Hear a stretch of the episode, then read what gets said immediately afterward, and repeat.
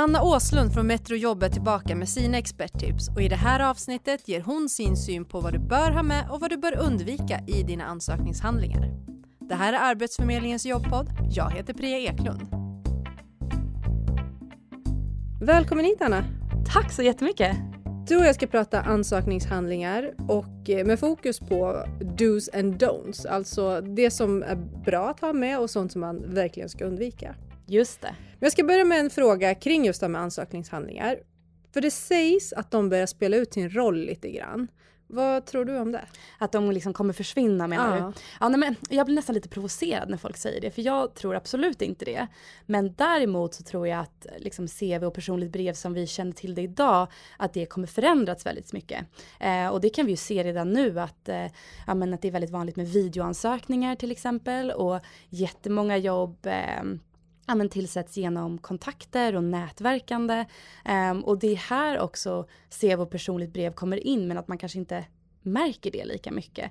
Um, för att i en videoansökan till exempel, där är du fortfarande ditt CV. Det är som att du pratar ditt CV istället för att skicka in liksom ett fysiskt papper eller dokument. Så, uh, så jag tror absolut inte att uh, CV och personligt brev är på väg att försvinna, men däremot kommer de nog ändra form väldigt mycket. Mm. Ja, samhället håller på att förändras, ja, men eh, framförallt digitaliseras och då är det ju naturligt att det här hänger på. Man tyckte ändå när man började skicka in ansökningshandlingar via mail, jag var ju med på den tiden man skickade brev och även skicka med alla Snigelpost? Andra. Ja men lite så här snigelpost, man skickar med alla sina dokument och betyg och sånt där. Det var ju så här, wow, behöver jag inte göra det längre? Nej. Men nu kommer vi ta det ännu ett steg framåt helt enkelt. Ja men precis, men det är bara att titta på alla jobbannonser som ligger ute idag. Det är ju liksom så, så, så många som ja, men kräver att man ska skicka in CV och personligt brev. Så borta är de absolut inte än och kommer nog inte vara på ett bra tag tror jag. Ja, och precis som du säger, vi söker ju då väldigt många jobb idag via CV personligt brev. Och då finns det ju vissa frågor som vi som jobbar med Arbetsförmedlingswebbinarier ofta får. Jag tänkte höra med dig vad du tycker om det. Ska jag skriva min ålder i mina ansökningshandlingar? Nej, inte relevant tycker jag. Um, däremot så tycker jag att du ska låta, eller om du inte skriver din ålder, dina erfarenheter och det du har gjort tidigare kommer liksom prata för sig själva. Um, om det nu är nödvändigt för en till exempel rekryterare eller arbetsgivare och se hur gammal du är så kan de utläsa lite vad du har gjort tidigare år och när du har gått i skolan och så. Um, men sen ska man också tänka på att ålder, vare sig vi vill det eller inte, så spelar våra fördomar in när vi bedömer kandidater idag. Eh, och just en sån sak som ålder kan faktiskt spela in hur man ja, men förhåller sig till en kandidat. Um, och det här är både medvetet och väldigt många gånger omedvetet. Uh, så jag tycker att ålder bara är en överflödig grej som man kan skippa. Mm. Mina personliga intressen. Jag, har en, tycker om hundar. Jag kör rallylydnad på, jag, jag, vet inte, jag kan inte så mycket om hundar, men jag bara tänker på sådana där saker. Liksom. Är, är det intressant? Eh, Ja, ibland ska jag säga. Många säger att så här, ja, men skriv absolut inte om dina intressen. Eh, men jag kan ändå tycka att eh, du kan skriva om dina intressen om du kan jobba in det för hur de är relevanta för det här jobbet du söker. Det är ingen idé att säga jag älskar katter och äh, gillar att lyssna på Céline Dion. Eh, men, jättekonstigt exempel, jag vet inte varför jag tog det. men eh, däremot om du bestämde dig för ett år sedan och anmäla dig till Stockholm Marathon eh, och du bestämde dig för att nu ska jag fixa det här målet. Jag har nio månader på mig att träna och jag ska komma i mål. Och du sen fixar det här målet. Eh, om du sen i en framtida jobbannons vill beskriva att du är väldigt målinriktad, då tycker jag att det är ett jättebra exempel att ta upp det här. Eh, och hur du liksom resonerade med dig själv för att klara det här målet. Eh, och just att du har sprungit ett maraton, det är väl lite mer personligt, men det är ändå här att du kan koppla det till någonting relevant. Mm. Och sen skriva då att jag lyssnade på Céline Dion under Precis, hela det kan du. ja. Nej, men eh, så att man kan koppla det till det man ska göra. Precis. Just det. Foto. Ah, ja, där är jag också delad. Jag, jag brukar säga, ta med det om du vill, men känn absolut ingen press. Och eh, jag har till och med sett så här, jobbannonser, både när de säger skicka inte med foto, men också när de ber kandidaten att inkludera foto. Och det gör mig jätteirriterad. Jag tycker det är, alltså, nej usch, då känner jag genast det där, nej det där företaget skulle inte jag vilja jobba på om de tycker att foto är viktigt.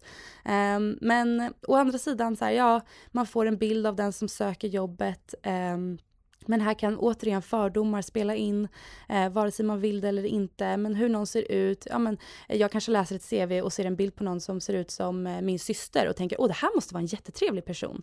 Um, nej, så jag tycker absolut inte att man ska känna sig, um, att man måste känna det tvång att inkludera bild. Nej, men när man har varit på till exempel en rekryteringsmässa, jobbmässa, nätverksträff eller liknande och någon har sagt att skicka in ditt CV, då kan det vara bra att skicka med ett foto för då kanske den personen kommer ihåg att nej men du, det var ju dig jag träffade. Det är en jättebra grej, absolut. Och sen tycker jag också då, eh, om man känner att så här, nej, jag vill fortfarande inte ha med foto, då kan man också skriva det i kanske mejlet som eh, när man skickar in sitt CV eller liknande, att ah, jag pratade med dig på den här mässan. Eh, men absolut, då kan man, eh, då är det en, en bra grej att skicka mm. med en bild. Då har vi svarat på några av de här vanliga frågorna som, eh, som faktiskt dyker upp. Och nu tänker jag att vi ska titta på det här the do's. Vad ska jag faktiskt ha med? Vad är mm. liksom viktigast? Ska vi börja med CV då kanske? Ja, men vi börjar just det, för ja, vi har ju två ja, dokument. Vi, vi börjar med CV. vi mixar ihop det lite. Eh, nej, men med just CV, eh, när man pratar om do's då, Um, det är att uh, för det första uh, ha en liten sammanfattning med uh, i början av sitt CV. Um, ehm, och en sammanfattning om dig själv och dina mål och din karriär. Um, men det här behöver inte vara eh, långt, det här kan vara typ två, tre rader, eh, men där du bara enkelt beskriver vem du är och eh, varför du jobbar med det du gör. Eh, för att om man tänker när personen eh, tar upp ditt CV och börjar läsa, vad är det första man ser då? Eh, och istället för att liksom överrumplas av alla kanske jobb du har haft eller saker du har gjort, att man får en liten enkel liksom, inledning till vem du är som person. Och det är ganska, ja, men en ganska trevlig läsning att mm. inleda med något sånt. Bra. Något mer i CVt som som man ska ha med? Ja. Eh, ja, men förutom en inledning då så tycker jag att du absolut ska anpassa ditt CV till eh, varje jobb du söker. Det är så lätt att ha ett, liksom, ett allmänt CV som ligger, som man inkluderar eh, till varenda jobb. Men nej, nej, nej. Även om eh, du kanske söker liknande jobb så kan du alltid lyfta upp vissa erfarenheter och lyfta upp vissa meriter och stryka andra meriter eh, när du söker olika slags jobb. Så det sämsta du kan göra är att ha ett, eh, ett allmänt CV. Men standardiserat liksom. För det är många som glömmer ibland att just CVt också ska vara ja, men tweakat så att det passar eh, arbetsgivaren. Precis. Så lyfta upp det som, som passar här och nu för den här tjänsten och den arbetsgivaren som jag ska träffa här och nu. Verkligen. Eller vill träffa. Verkligen. Mm. Och en annan grej jag tycker man ska göra är att eh, strukturera upp det på ett bra sätt. Och genom det, eh, att om du vill strukturera upp det så tycker jag att du ska använda rubriker. Eh, till exempel, ja men eh, eh utbildning, erfarenheter, eh, sammanfattning, alltså sånt. För det, det blir mer lättöverskådligt då istället för att bara kasta in saker. Det känns lite huller om buller. För att ögat, jag som journalist vet ju hela tiden att ögat letar efter saker och liksom etsar sig fast vid. Och bilder är en sån sak, men även liksom större rubriker är en sån sak. Um, så det gör det mer bekvämt för ögat att, att läsa när det är mer uppunktat helt enkelt. Mm. Ska jag vara rädd för luckor i CVt? Nej, det tycker jag inte. Eh, ja, men många är väldigt rädda för vad, vad man ska utläsa av de här luckorna. Eh, men det händer. Alltså, rekryterare och arbetsgivare vet idag att eh, man, kan vara, eh, man kan vara arbetslös en period eller man kan ha varit och rest en period. Ehm, och om du, om du känner att du vill det så kan du absolut förklara att ja, men här, under den här perioden, under de här månaderna var jag arbetslös ehm, och jag la tid på att söka ett nytt jobb helt enkelt. Mm. Det är inget negativt. Något annat då som vi inte ska glömma i CVet? Eh, ja, men det tycker jag absolut. Eh, du ska lyfta fram vilken skillnad du gjort för dina tidigare företag och jobb du har varit på. Istället för att bara eh, lyfta fram vad dina arbetsuppgifter har varit, varit på varje jobb. Varje jobb. Eh, men se till att berätta lite vad du har åstadkommit där. Eh, annars blir det så platt att ja, du ehm, ja, men du var ansvarig på ekonomiavdelningen. Säg då, eh, ja, men vad, något, lyft upp något konkret. Vad gjorde du under den här perioden och vad ledde det till? Eh, kanske att du har varit med och stängt en stor affär om du är säljare eh, och vad, hur mycket intäkter det genererade till exempel. Mm. Om vi sammanfattar lite bara. En sammanfattning, tydliga rubriker, var inte rädd för luckor, Gud vilket bra minne, jag kommer inte ens ihåg vad jag sagt. Nej. Och det sista var, jo men lyft fram vilken skillnad du har gjort för, eh, för företaget. Precis. Har vi någon sista där innan vi går in på det här, det här ska du absolut inte göra i ett CV? Um, ja men absolut, håll det uppdaterat. Eh, rota inte fram ditt gamla CV från amen, 2013. Eh, och både i den liksom, bemärkelsen att ofta så ser de, eh, våra CV tenderar att se gamla och fula ut efter några år, utan ehm, gör ett helt nytt CV där du uppdaterar alla dina texter och du uppdaterar din layout ehm, och att det är liksom nytt och fräscht hela tiden. Mm. Sättet du skriver på kan ju vara annorlunda från fem år sedan. Alltså, vi utvecklas ju som människor hela Verkligen. tiden och det påverkar ju sättet vi pratar på, sättet vi skriver på. Gud, när jag går tillbaka och läser mitt gamla CV för fem år sedan vill jag bara krypa under jorden. Typ. Ja, men lite, lite pinsamt är det ju faktiskt när man, när man går tillbaka. Om vi tar CV och tittar på, det här ska du absolut inte ha med. Nej, um, då finns det en hel rad saker som folk är ganska bra på att inkludera fast man verkligen inte ska. Eh, och en av de grejerna är, tycker jag är onödiga detaljer som till exempel din adress. Um, en rekryterare eller en arbetsgivare behöver inte veta vart du bor någonstans. De ska inte skicka något liksom, julkort till dig eller så. Uh, så det är helt irrelevant. Uh, också varför du slutade på dina tidigare jobb. Det är också ganska irrelevant. Det är, du kanske bara vill söka dig vidare. Det är ingenting du behöver berätta. Och om du får den frågan på intervjun kan du, kan du säga det då. Men det är någonting som tar upp väldigt onödig plats i ditt CV som redan ska vara kort. Mm. Um, och uh, det här referenser lämnas på begäran som väldigt många skriver. Det har blivit någon slags standardmening som alla lägger in längst ner i sitt CV. Men det är också överflödig information. Det fattar en rekryterare eller arbetsgivare att om de vill ha dina referenser så, så frågar de om det. Det är ingenting du behöver skriva. Det har jag med min. Det här måste har du det? Göra. Ja, det Ta har bort jag. det! Det ska jag göra. Ja. ja, jag har också haft det med väldigt länge. Har vi något mer där då som jag, som, som jag kan ändra? Ja, som, som du, okej okay, nu ska vi se, jag borde ha ditt CV här och granska det. Ja. Men jag vill också säga, jag har ju gjort alla de här felen också, så jag har ju lärt mig av mig själv. Um, nej, men um, det, det jag tycker är viktigt är att du skiljer mellan personligt brev och CV. Um, så att skriv inte samma saker i ditt CV och personliga brev, utan låt CVt vara ganska grundligt informativt och sen i ditt personliga brev kan du blomma ut mer. Um, men uh, något annat som jag tycker att man ska tänka på är att inte inkludera så här, självklara färdigheter. Om du jobbar på en ekonomiavdelning eller uh, ja, men, uh, skriver en hel del uh, ja, men pressmeddelanden eller någonting, då är det underförstått att du kan Microsoft Word till exempel. Mm. Så skriv inte Microsoft Microsoft Word under dina meriter. Det är också en sån grej som är en överflödig detalj som tar upp onödig plats när du kan skriva mer relevanta saker helt enkelt. Ja, men precis. Men det är ungefär som att skriva, tycker jag, att man har gått gymnasiet när man har en universitetsutbildning. Precis. För att det ena förutsätter ju det andra. Helt rätt. Så, så om du har en gymnasieutbildning um, så stryk den om du har gått på universitetet. Mm. Har vi något mer?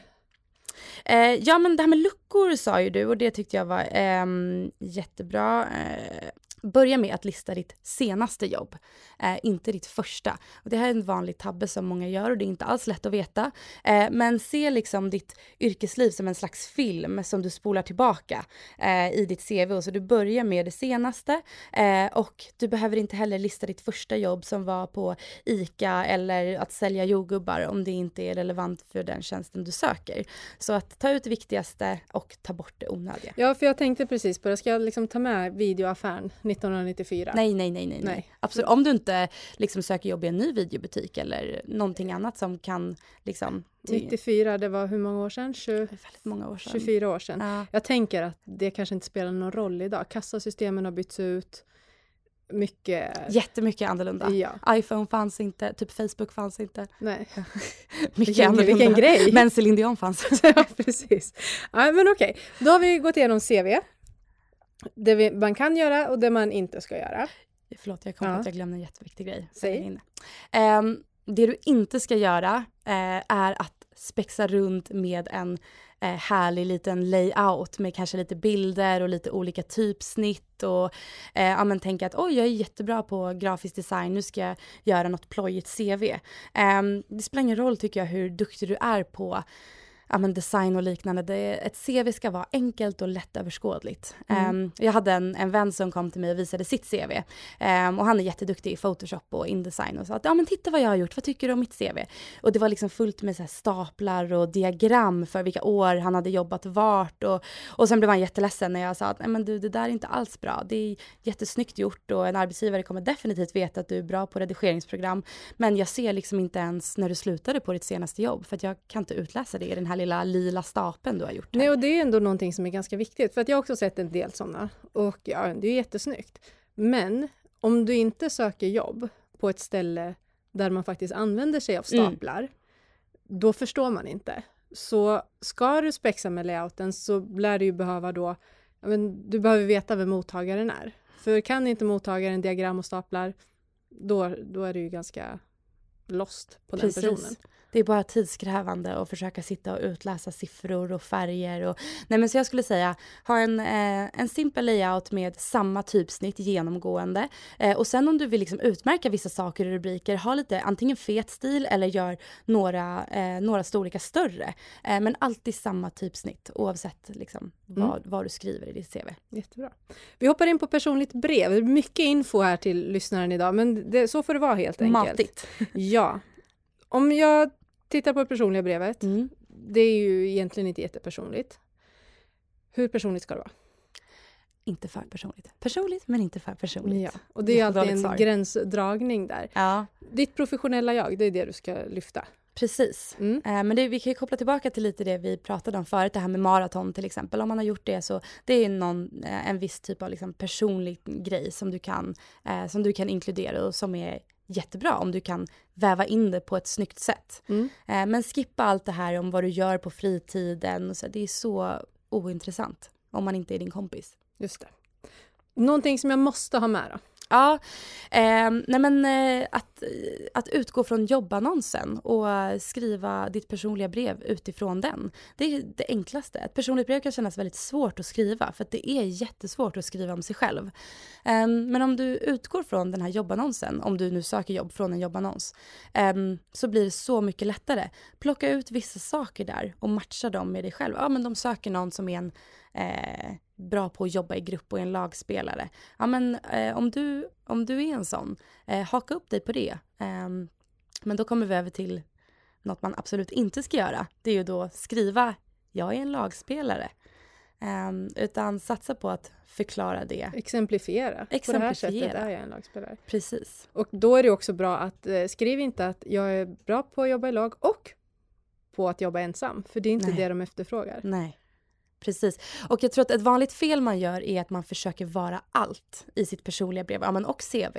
Men att man försöker liksom vara någon sån här drömperson som är bäst på allt och kan allt och uppfyller alla krav i jobbannonsen. Men en, en rekryterare eller en arbetsgivare vet att det finns ingen sån drömperson utan annonsen är en slags önskelista eh, där en kandidat kan ha lite olika delar helt enkelt. Så ha inte ångest över att du känner att du bara uppfyller halva kraven i jobbannonsen. Det är okej, sök ändå.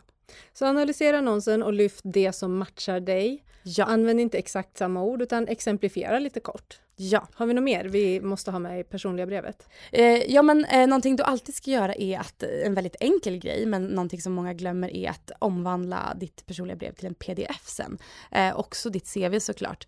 Eh, men att inte bara skicka en så här word-fil eh, där rekryteraren sen själv kan börja skriva i ditt personliga brev utan skicka en pdf-fil som är liksom som ett, ett foto av ditt personliga brev.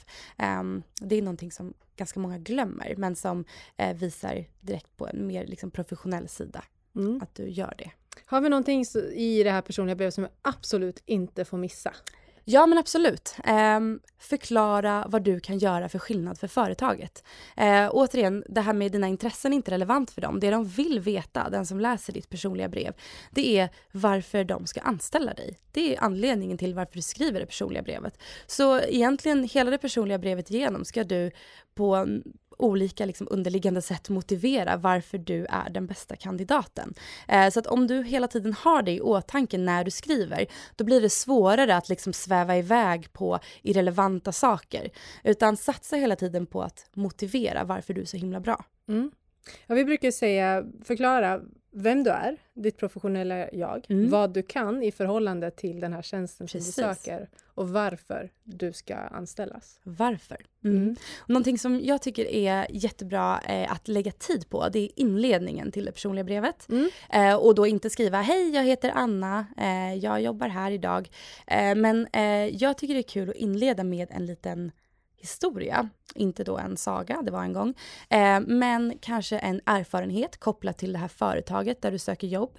Eh, Eller eh, någon annan liksom, rolig historia om när du först fick kontakt med det här företaget om du söker jobb på ehm, om du söker jobb på H&M till exempel, eh, berätta en historia om eh, vad du tyckte om deras senaste julkampanj eller eh, när du var inne i butiken och fick ett trevligt bemötande någon gång. Ja, men inled med någonting som visar att du har en koppling till företaget och att du gillar dem.